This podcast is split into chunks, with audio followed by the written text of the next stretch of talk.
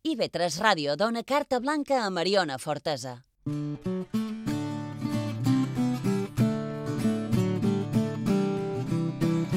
Portes obertes.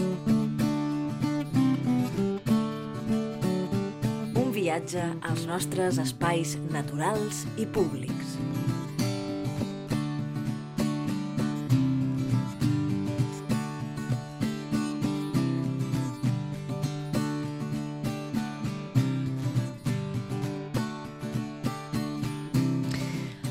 Hola, molt benvinguts a Portes Obertes, un programa especial que fa un recorregut pel nostre patrimoni i més concretament en aquells aspectes que es refereixen als espais naturals i patrimonials més singulars que tenim aquí, a casa nostra.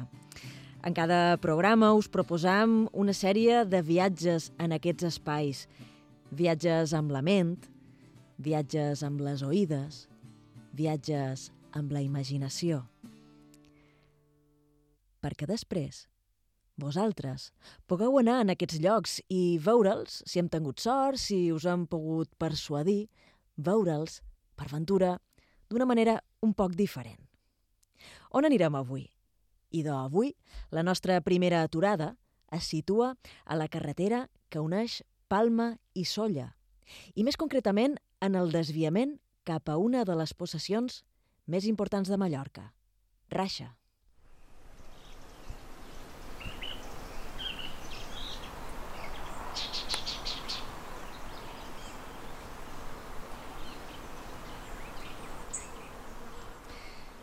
Voltàvem a l'esquerra amb el cotxe i fèiem una maniobra per travessar la carretera i tot d'una entram en un camí de terra en el qual veiem tant a esquerra com a dreta unes oliveres molt gruixades, molt velles, i tot d'una ens envaeix una sensació de pau i de benestar.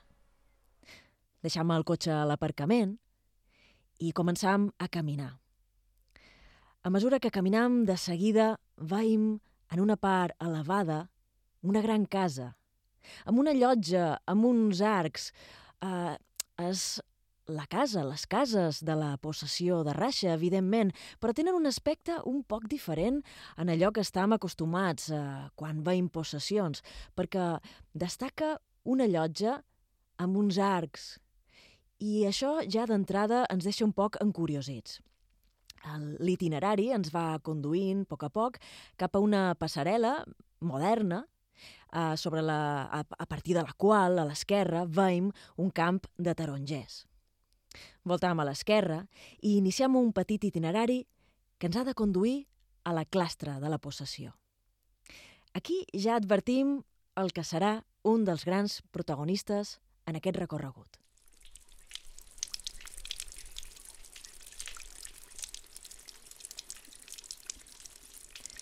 És l'aigua.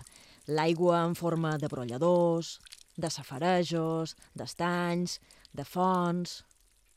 A la dreta veiem un salt d'aigua, procedent de tres carasses de fang cuit. Eh, carasses, ja sabeu, eh, que fan aquestes ganyotes un poc inquietants.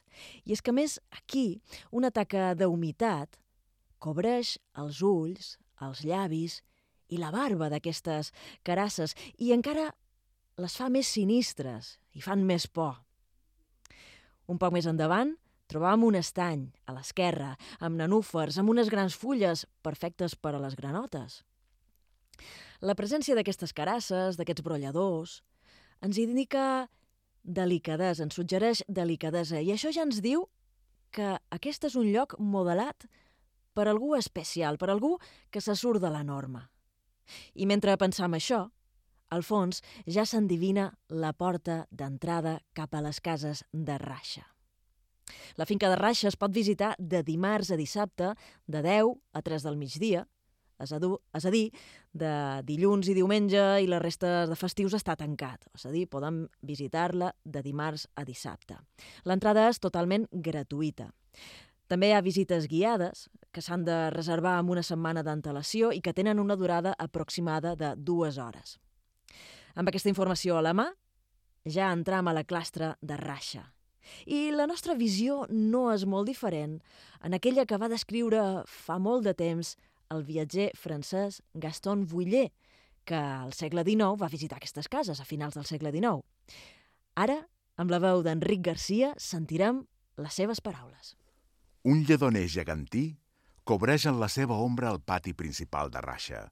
La situació de l'alqueria és encantadora dins una vall tota florida, coberta d'arbres fruiters i voltada de muntanyes. En temps del Moros, el seu nom era Araxa. Justa de vora hi ha una propietat que havia estat d'un àrab il·lustre, Beni Atzar, de qui encara du el nom. Conquerida Mallorca, el rei va recompensar els serveis del famós comte d'Empúries, Pons Uc, amb el do de la propietat de Raixa. Després d'haver passat des d'aquesta època llunyana per nombroses mans, va correspondre als Despuig, il·lustre raça de comtes de Montenegro i de Montoro. El cardenal Despuig afegia el blasó de la família a la porpra cardenalícia, l'ordre de Carles III d'Espanya, del qual tingué la Gran Creu, i el patriarcat d'Antioquia. A Itàlia, va comprar el pintor escocès Hamilton, que hi feia excavacions, un temple que Domicià havia dedicat a Gèria i va continuar els treballs a càrrec seu. Del 1767 al 1787 tingué la sort de descobrir la majoria de les magnífiques escultures que formen el museu actual. Vaig recórrer els jardins. Vaig admirar l'escala principal de gust italià, decorada amb estàtues, gerros i fragments d'art antic. Uns xiprers ombrívols i pins d'un verd intens em feien resaltar la blancor.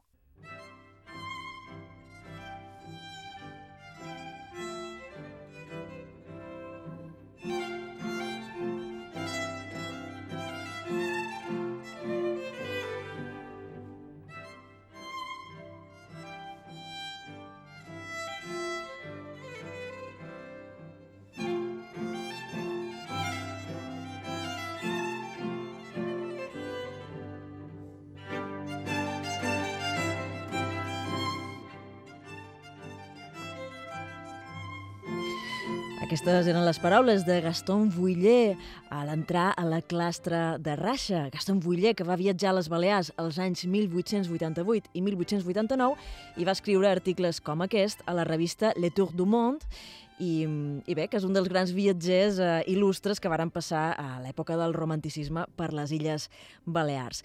En Gaston Vuillet ha mencionat el personatge que és la peça clau per entendre Raixa.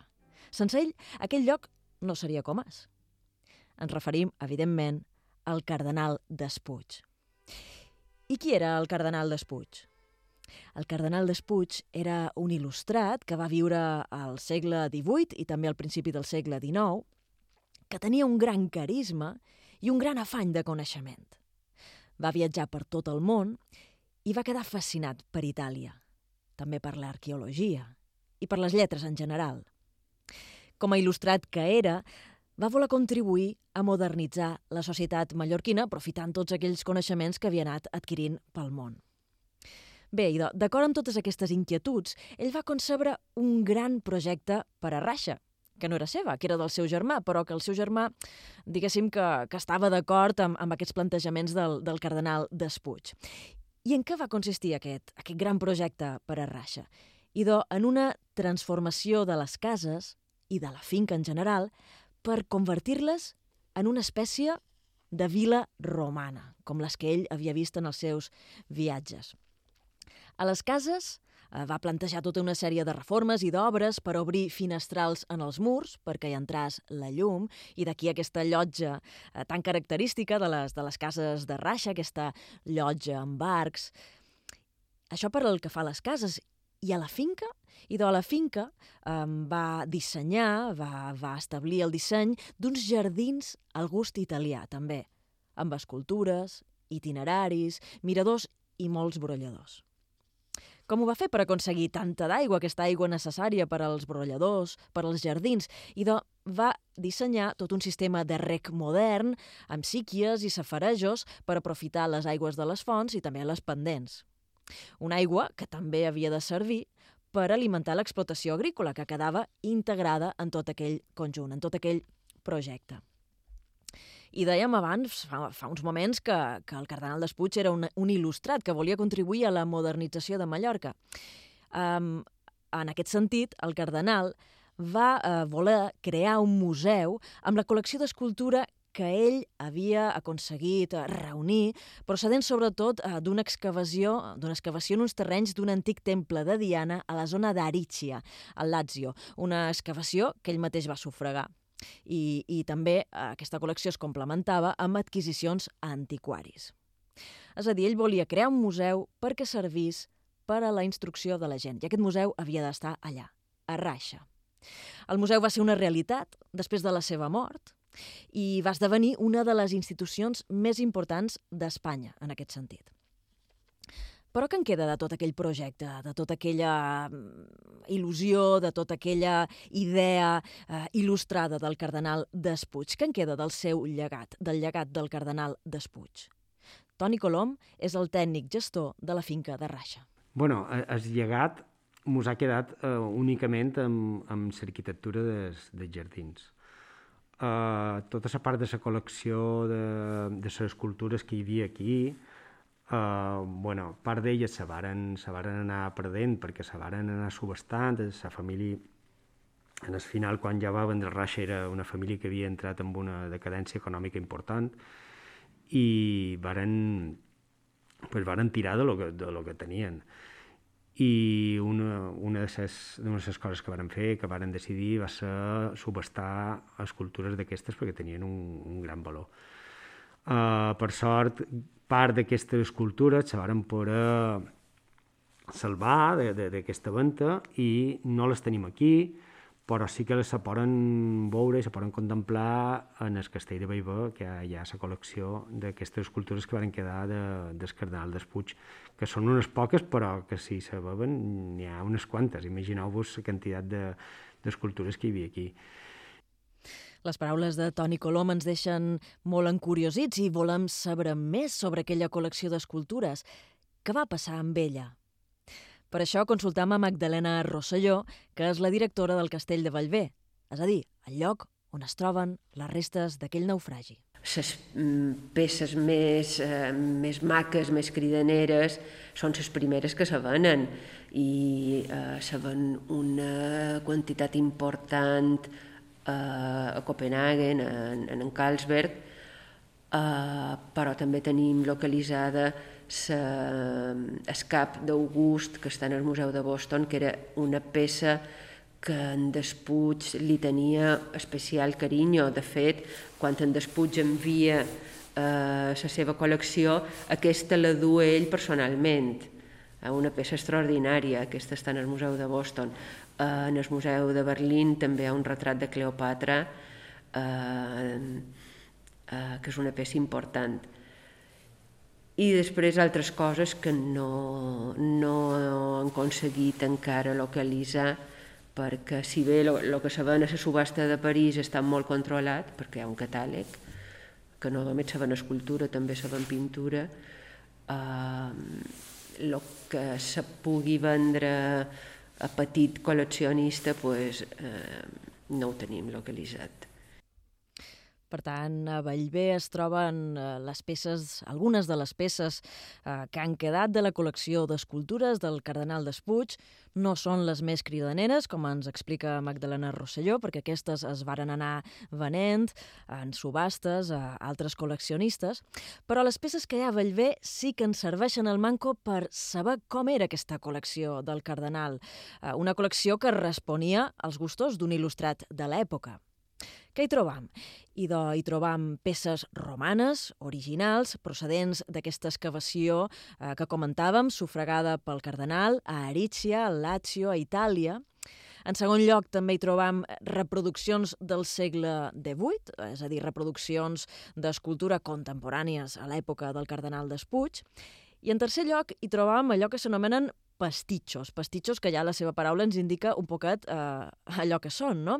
Eh, són restauracions de peces clàssiques, originals, però que estan incompletes. Llavors eh, se, se completen eh, en el segle XVIII al gust de l'època, amb major o menor fortuna.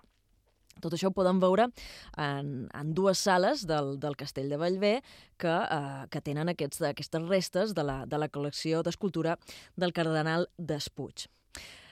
El destí de les col·leccions del cardenal d'Espuig és, en qualsevol cas, una història trista i, com a exemple, eh, hi ha una història, una altra història que ens ho deixa ben, ben palès. Eh, quan es van fer les obres del Forjats del castell de Bellver als anys 70, obres de restauració perquè aquests forjats es trobaven en mal estat, um, es va desmuntar la col·lecció, aquella col·lecció de, del cardenal d'Espuig que ja estava en aquell moment exposada al castell perquè l'Ajuntament l'havia adquirida als anys 20. Es va desmuntar i es va disgregar. Les escultures més grans, que avui poden veure al pati del castell de Bellver, segurament les haureu vistes, aquelles escultures que fan més de dos metres, es varen col·locar a les coves del castell de Bellver. Les coves són unes antigues pedreres que estan situades just davall del castell de Bellver i que tradicionalment eh, són magatzems eh, municipals. I do, aquelles escultures tan grosses es varen col·locar allà ajagudes, tombades, a les coves, eh, en la foscor de les coves, en la humitat de les coves, un ambient que de ben segur no era gens propici per a aquelles escultures, i els hi deien los durmientes, perquè estaven allà, ajagudes, tombades, aquelles escultures clàssiques o el manco d'inspiració clàssica. Altres peces de la col·lecció, mentre es feien les obres dels forjats, varen anar a un magatzem del castell de Bellver. I altres peces es varen disgregar per despatxos. Quan Magdalena Rosselló, ja als anys 90, és a dir, 20 anys després d'aquelles obres, eh, va voler tornar a muntar eh, la sala d'exposicions les va anar recopilant. Va treure a los durmientes de les coves, va obrir el magatzem i va anar rescatant allò que va poder trobar eh, d'aquella col·lecció o d'aquelles restes de la col·lecció del cardenal d'Espuig i ens explica que algunes peces ni tan sols varen aparèixer. És a dir, el que va passar amb les col·leccions del cardenal d'Espuig, no només d'escultura, sinó també de biblioteca, de numismàtica, amb totes aquelles col·leccions, és desgraciadament una història tristament repetida, tant en figures importants de la història, com era ell, com també en persones anònimes, en famílies anònimes.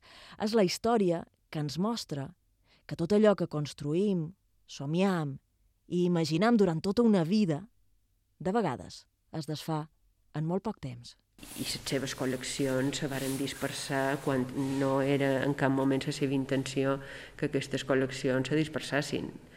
Uh, si hagués sabut que tan aviat uh, tot acabaria, no se sap molt bé, perquè la col·lecció pictòrica està completament desapareguda. La biblioteca sí que sabem uh, on és, la col·lecció numismàtica tampoc. Uh, vull dir, no sé, no sé si se deu estar regirant dins la seva tomba.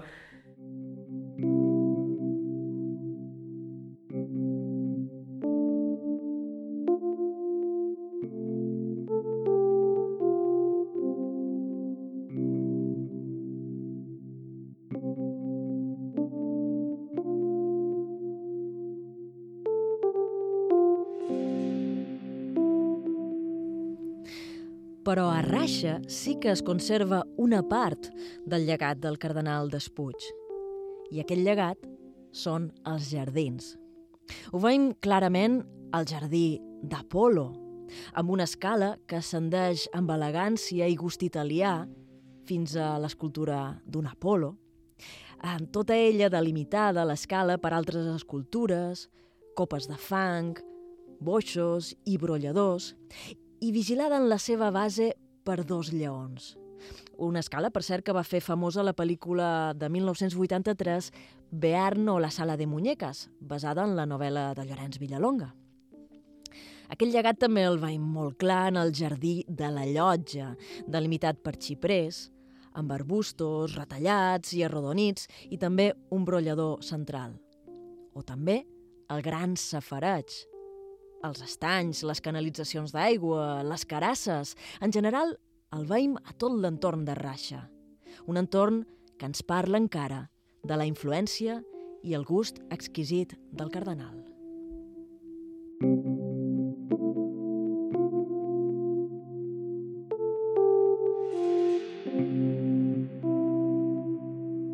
Jo crec que Raixa te transporta ella mateixa.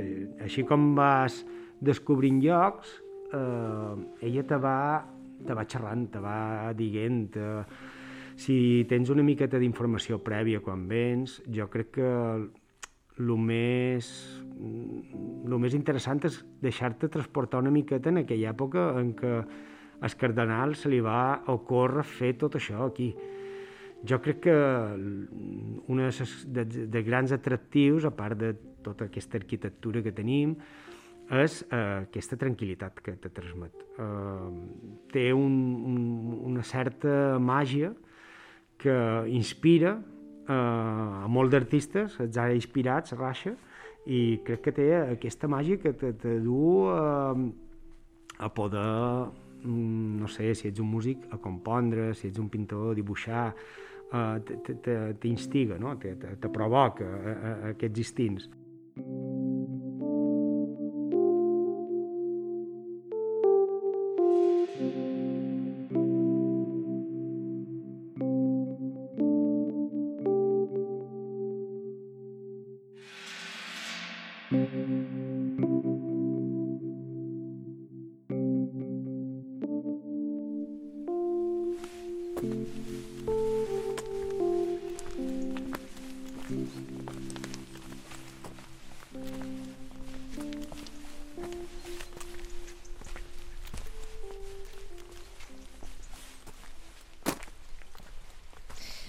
Deixam enrere l'escala de l'Apolo i ens enfilam muntanya amunt per un dels itineraris oberts al públic.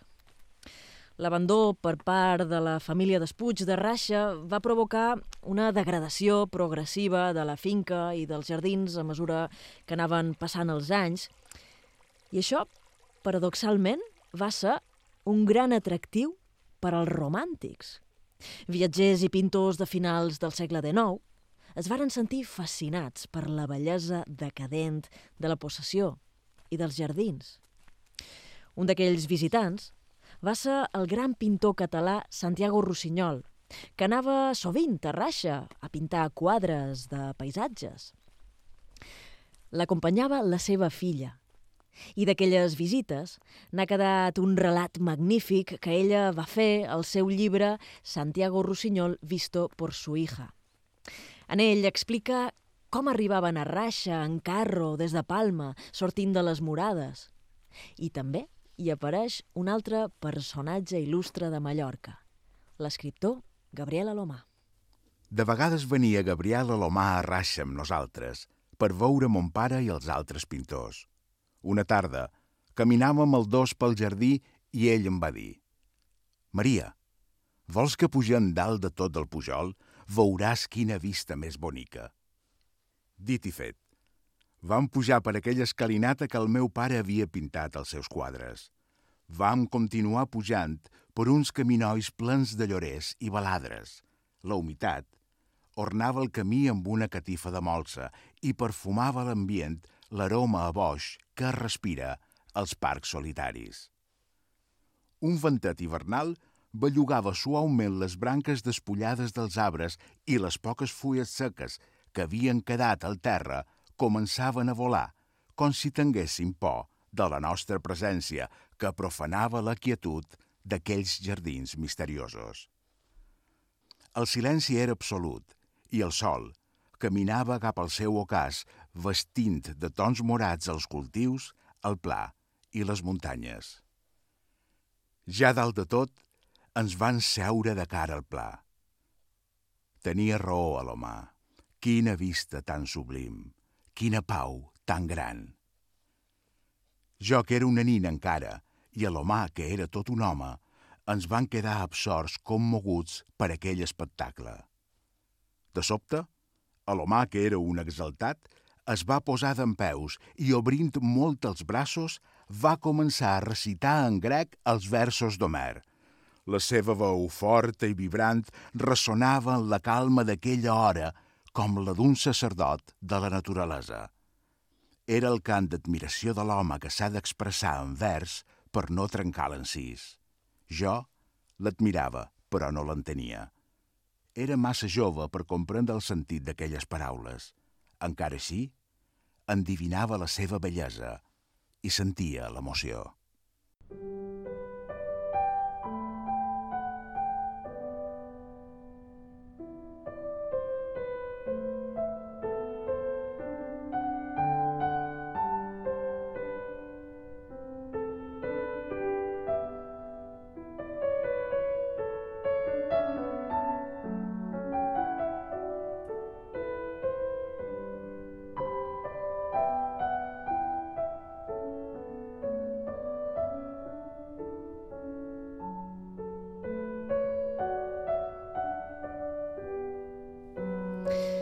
Rasha va significar per al cardenal Despuig la culminació dels seus ideals il·lustrats, els ideals de modernització, d'educació i de bellesa.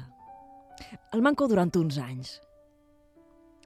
Per als romàntics, com Santiago Rossinyol, Rasha va ser un lloc d'inspiració, on allunyar-se de la civilització moderna, del renou, del materialisme i somiar amb un passat millor. I per a nosaltres, dones i homes del segle XXI, què és raixa? És difícil de dir sense la perspectiva que ens dona el temps, però podríem aventurar-nos i afirmar que és un lloc de coneixement.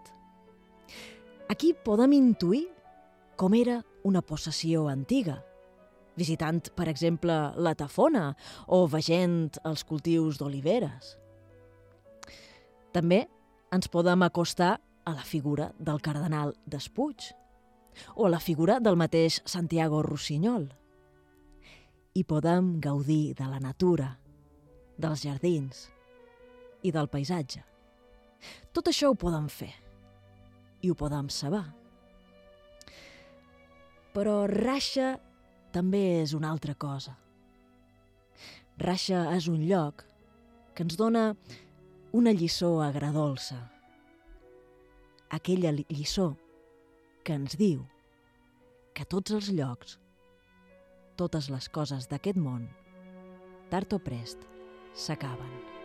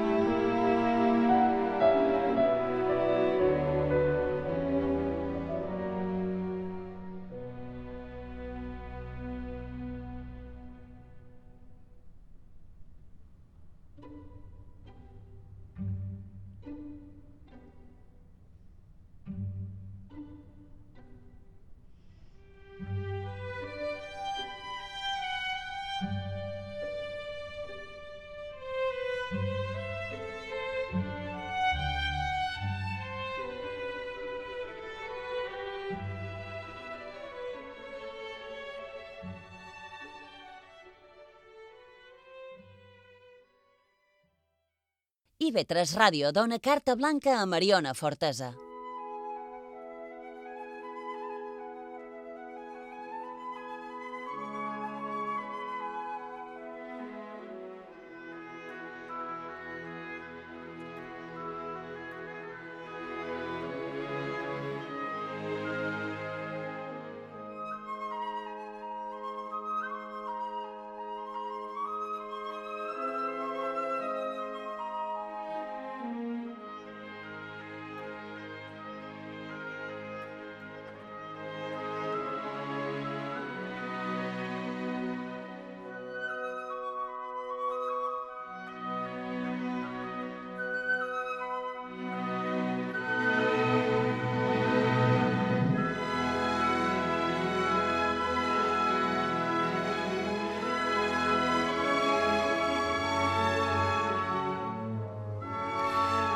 Continuem el nostre recorregut pel patrimoni natural, paisatgístic, monumental de les Illes Balears en aquest programa especial anomenat Portes Obertes. En aquest recorregut que faim per espais emblemàtics de la natura i el patrimoni, hem de fer una aturada obligada.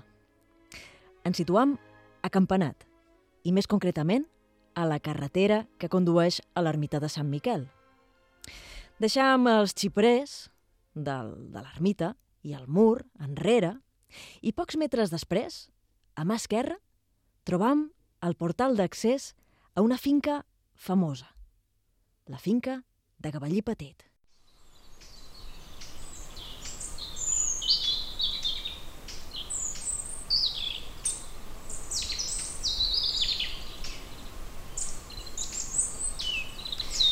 Després d'una passejada de 20 minuts, entre camps, garrovers i figueres, arribam a un pontet que travessa un torrent i entram dins un alzinar. La llum passa a ser més tènua i espessa i ens envolta una agradable atmosfera sonora.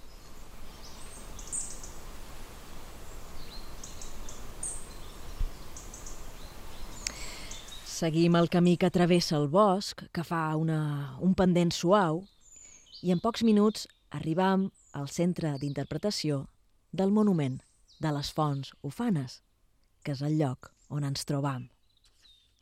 Aquest monument es pot visitar en qualsevol dia de l'any, entre les 10 i les 5 de l'hora baixa, i com hem dit, el traçat del camí és de poca dificultat, per tant és accessible pràcticament a tothom.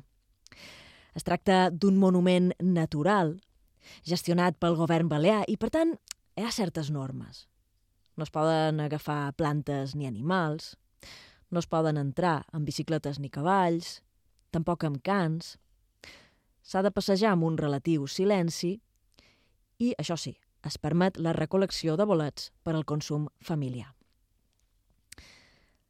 Gavellí Petit, la finca on ens trobam, i el monument de les fonts ufanes és famós per acollir un dels monuments naturals més espectaculars de les Illes Balears – que són aquestes fonts ufanes, un monument que fa brollar de la terra grans quantitats d'aigua durant diversos dies, sense que, si no tens una informació prèvia, puguis intuir clarament la causa d'aquest broll. Ara sentirem, amb la veu d'Enric Garcia, l'explicació del fenomen de les fonts ufanes que ens fa el llibre Camins i paisatges, d'en Gaspar Valero. Les fonts ufanes de Gavallí constitueixen un dels fenòmens hidrològics més espectaculars de Mallorca. Quan rebenten, com popularment es diu, sorgeix de les entranyes de la terra gran quantitat d'aigua, de tal manera que el torrent de Sant Miquel, on s'ajunten totes les torrenteres d'aigua, sembla un riu cabalós. Els hidròlegs expliquen el fenomen com una surgència vauclusiana, és a dir, un embossament subterrani d'aigua que, quan se satura, vessa cabalosament. Aquesta bossa hídrica és producte per una part de la configuració del subsol, segurament en forma de fissures envoltades per roques impermeables, i per una altra part de l'elevada pluviometria de la cotrada del Puig Domir. És una font de resposta ràpida a les condicions pluviomètriques, amb un cabal molt variable, segons les circumstàncies climàtiques.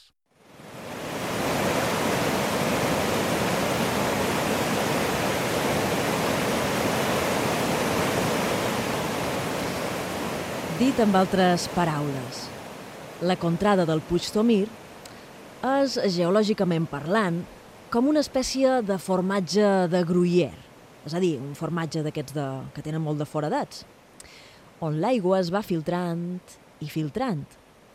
Però arriba un moment que tota aquella aigua subterrània troba un tap, una roca impermeable, que fa que es comenci a acumular, fins que vessa el bosc de Cavallí Petit.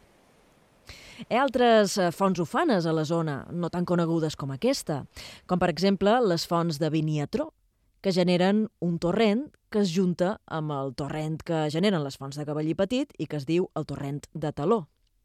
Tots dos acaben al torrent de Sant Miquel, un dels torrents més importants de les Illes Balears. Així ens ho explica Joan Estrany, professor de Geografia de la UIB. Ell és un gran expert en les conseqüències que tenen les fonts ufanes a nivell hidrològic a Mallorca.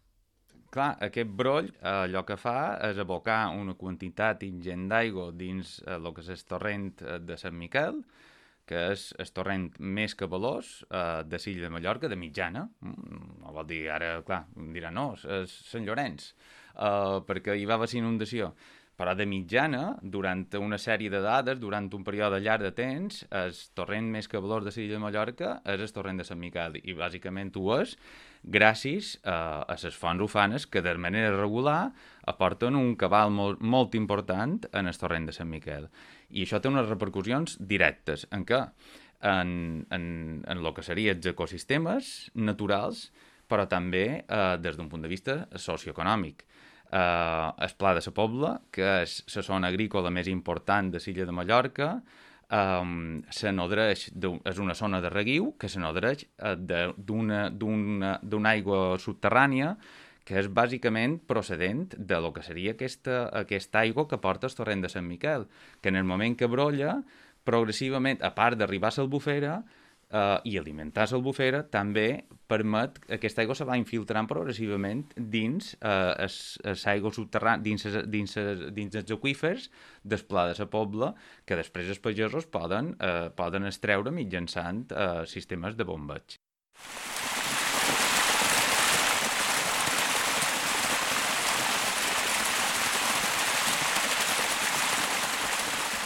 La importància de les fonts ufanes queda reforçada també per les xifres. El seu cabal, per dir una d'aquestes xifres, el seu cabal pot arribar als 100 metres cúbics per segon. 100 metres cúbics per segon. És a dir, 100 tones d'aigua cada segon.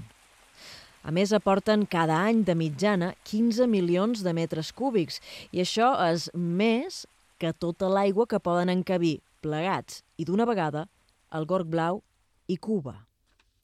Tota aquesta aigua va parar, com hem dit, al torrent de Sant Miquel, Miquel, que vindria a ser, perquè ens entenguem i no és un, term, un terme científic, vindria a ser l'Ebre de Mallorca.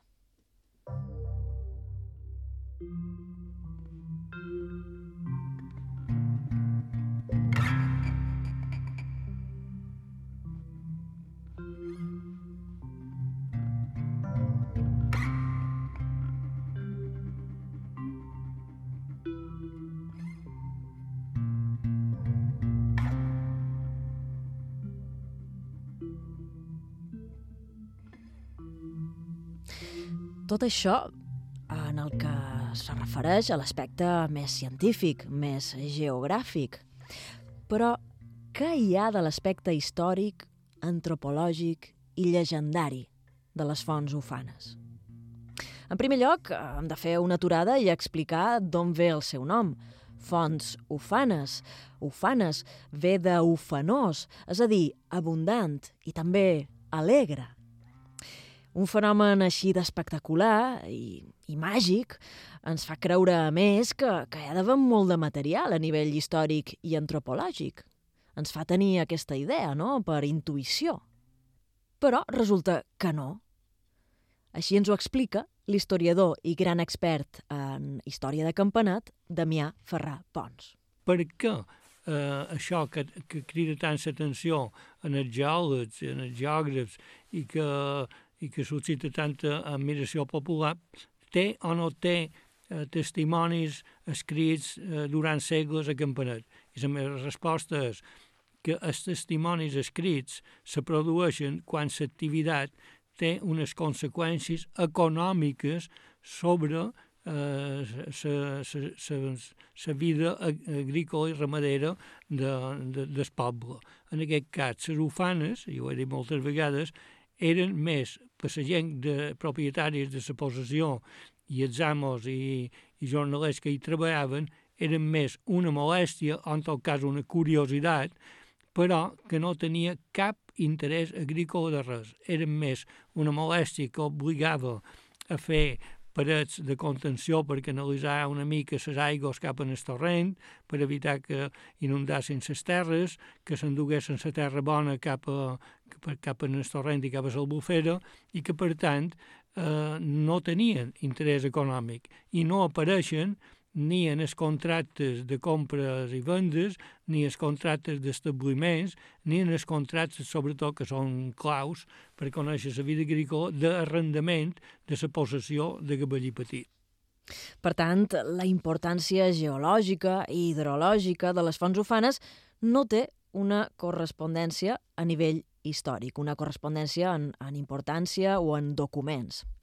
Del que sí que hi ha constància, però, és d'un projecte molt ambiciós a la finca que va consistir en l'excavació d'un gran pou.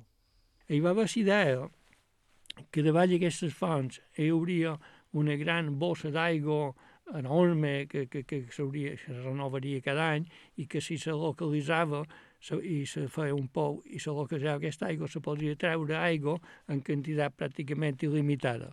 I se va fer un pou que està dins el bot de les ufanes, no sé si final del 19 o crec que principis del 20, un pou molt profund, fet a mà, fet a mà, no, no amb una perforació aquestes mecàniques que se fan avui en dia, i molt profund, però no se va localitzar l'aigua perquè no hi ha tal bossa d'aigua.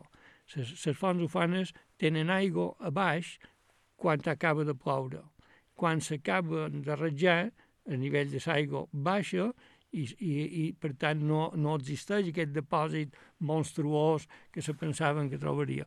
I sempre dic que aquest pou, que se va fer amb un esforç enorme eh, i, i se va fer a mà, eh, i és, és de dimensions grosses, profund i ample, eh, va tenir un final una mica eh, com a sinistre, perquè jo que he treballat l'exposició me record que si se moria un porc o se moria una ovella o, un, o trobaven un ca que entrava per allà de dins i feia carn que mossegava ovelles o porcs, el agafaven, li pegaven un cop, el mataven, o viu i tot, el agafaven i el tiraven dins, dins el pou com a càstig és el relat que ens fa l'historiador de Campanat Damià Ferrà Pons sobre aquell, aquell túnel, aquell pou, més ben dit, que, que varen excavar homes de sa pobla cercant aigua i que va tenir aquest final ignominiós que, que ell ens relatava. I des del punt de vista llegendari, que, que hi trobam a les fonts ufanes des d'aquest de, punt de vista? I trobam referències que diuen que l'aigua de les fonts ufanes ve dels Pirineus i que això explicaria el per què hi ha fulles d'arbres que no es troben a Mallorca, al bosc de les Ufanes. És, és una llegenda, evidentment, perquè totes les fulles que trobam al bosc de les Ufanes són d'arbres d'aquell lloc, i a més és una llegenda que també trobam en altres indrets de les Illes Balears, com per exemple es Vedrà, les Pitiuses, eh, on es diu el mateix, que allà hi ha una font que brolla amb aigua que ve del Pirineu i que per això hi ha fulles que no trobam en es, en es Vedrà. Bé, i des del punt de vista literari, des del punt de vista literari, trobam un poema que descriu molt bé el fenomen de les fonts ufanes. El signe Miquel Colom Mateu, eh, poeta de l'escola mallorquina, es titula Les ufanes i es troba en el llibre Veu de l'edat. I ara l'escoltarem, amb la veu d'Enric Garcia.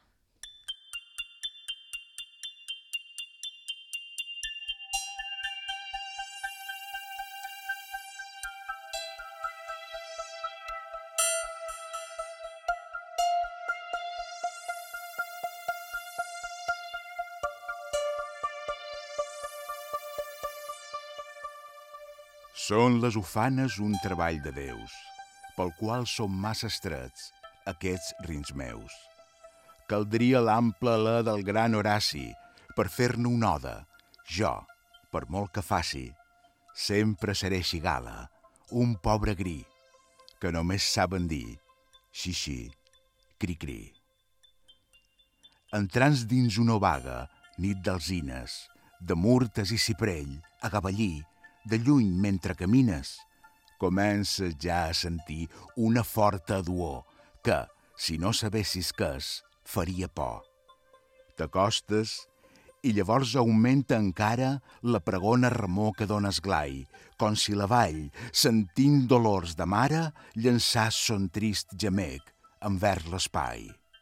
Ja hi ets, i restes totalment sorprès. Els ulls ho veuen, més no saps com és sens l'aparat d'unes obscures coves on s'hi amagàs el geni d'aquell lloc, sens el decor de vers joncars i bobes, d'on l'aspre llit se n'ablanís un poc, de dins un codolà, rònegament surt bremolant, el furiós torrent. Són tres o quatre indòmites fontanes, tres o quatre cavalls sense regar, com un gran monstre ocult són les ufanes, que els escumosos caps treu espolsar.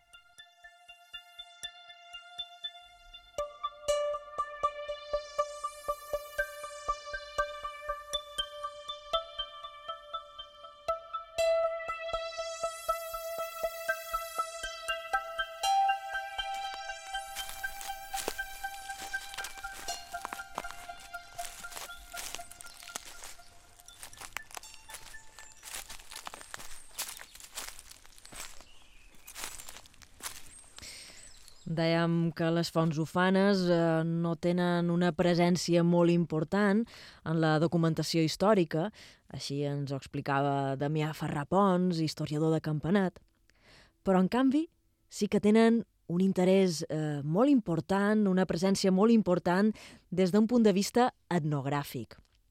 I ens n'adonem tot d'una quan entram al bosc. Hi veiem rotllos de sitja, fons de calç i fins i tot un talaiot, anomenat el claper dels dobbers. Un talaiot de planta quadrada, en el qual es conserven els murs, el portal d'accés, un corredor i la cambra central, i que es calcula que té uns 3.000 anys d'antiguitat. Tots aquests elements eh, es poden veure en els itineraris del monument de les fonts ufanes, si el visitam els garrovers, els rotllos de sitja i els forns de calç són rastres d'una activitat econòmica antiga, d'abans de l'arribada del turisme. Però en què consistia aquesta activitat?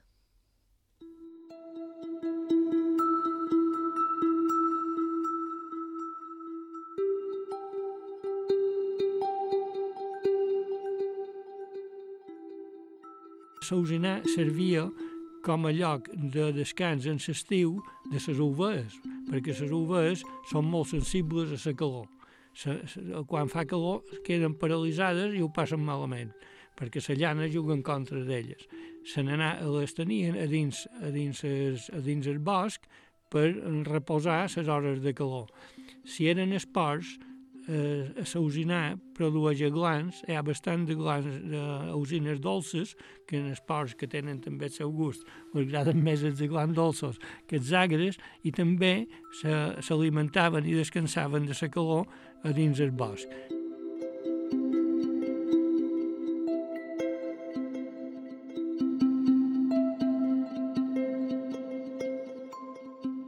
Aquest bosc, de manera periòdica, s'assenyaven tota una sèrie d'usines, les, les tallaven i feien carbó.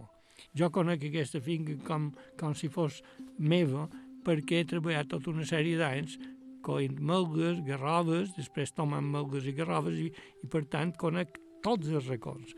I me cridava l'atenció la gran quantitat de, de rolgos de sitge que hi quedaven, alguns immensos, eh, hi ha també un taleot que es diu el taleot, eh, que li diuen des, des, esclopedres d'Obbers, que està relativament ben conservat en ple bosc, i també hi ha tota una sèrie de font de calç, alguns dels quals són d'unes dimensions espectaculars.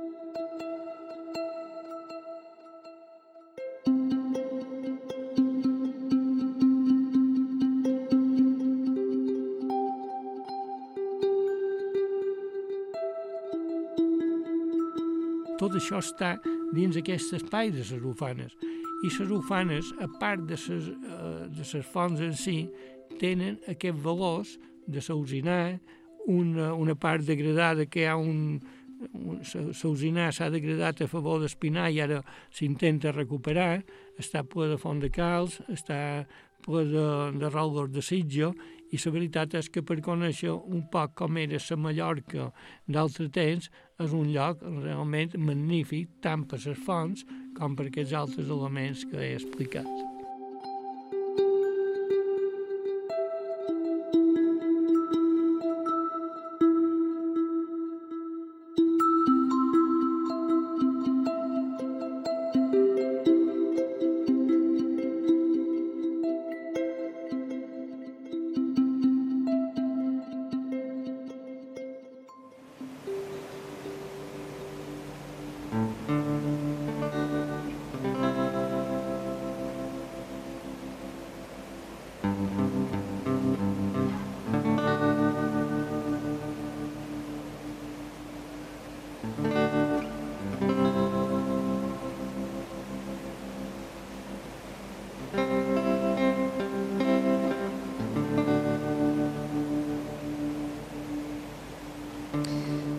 Mallorca antiga i remota se'ns revela al bosc de les Fonts Ufanes, a Campanat, a Mallorca. Se'ns revela i ens explica les seves històries. Les cavitats subterrànies sempre tenen un misteri molt especial i ens parlen, en certa manera, de l'origen, com si fossin una espècie de ventre matern. I no és estrany que els homes prehistòrics les triassin per fer els seus enterraments o rituals i que avui en dia relats com Viatge al centre de la Terra encara ens tinguin captivats.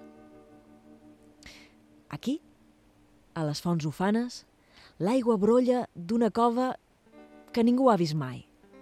I ho fa d'una manera exuberant i abundosa.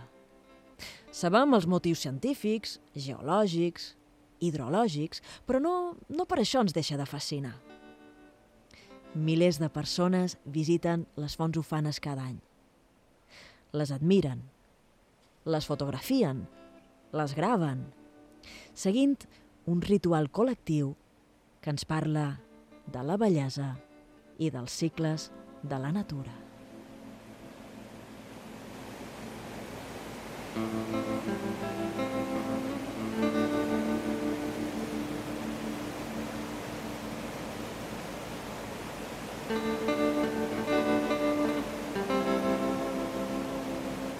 Les Illes Balears estan plenes de llocs que ens permeten gaudir de la natura i obrir portes a la imaginació, al coneixement i als sentits. Avui, a Portes Obertes, hem aprofundit un poc en dos d'aquests espais públics, Raixa i el monument de les fonts ufanes. Ho hem fet amb la col·laboració d'Enric Garcia, que ha llegit els textos, i a la part tècnica, Facundo Tenaglia. Als micròfons us ha parlat Mariona Fortesa. Moltes gràcies per escoltar-nos i fins aviat. Adeu. Thank you.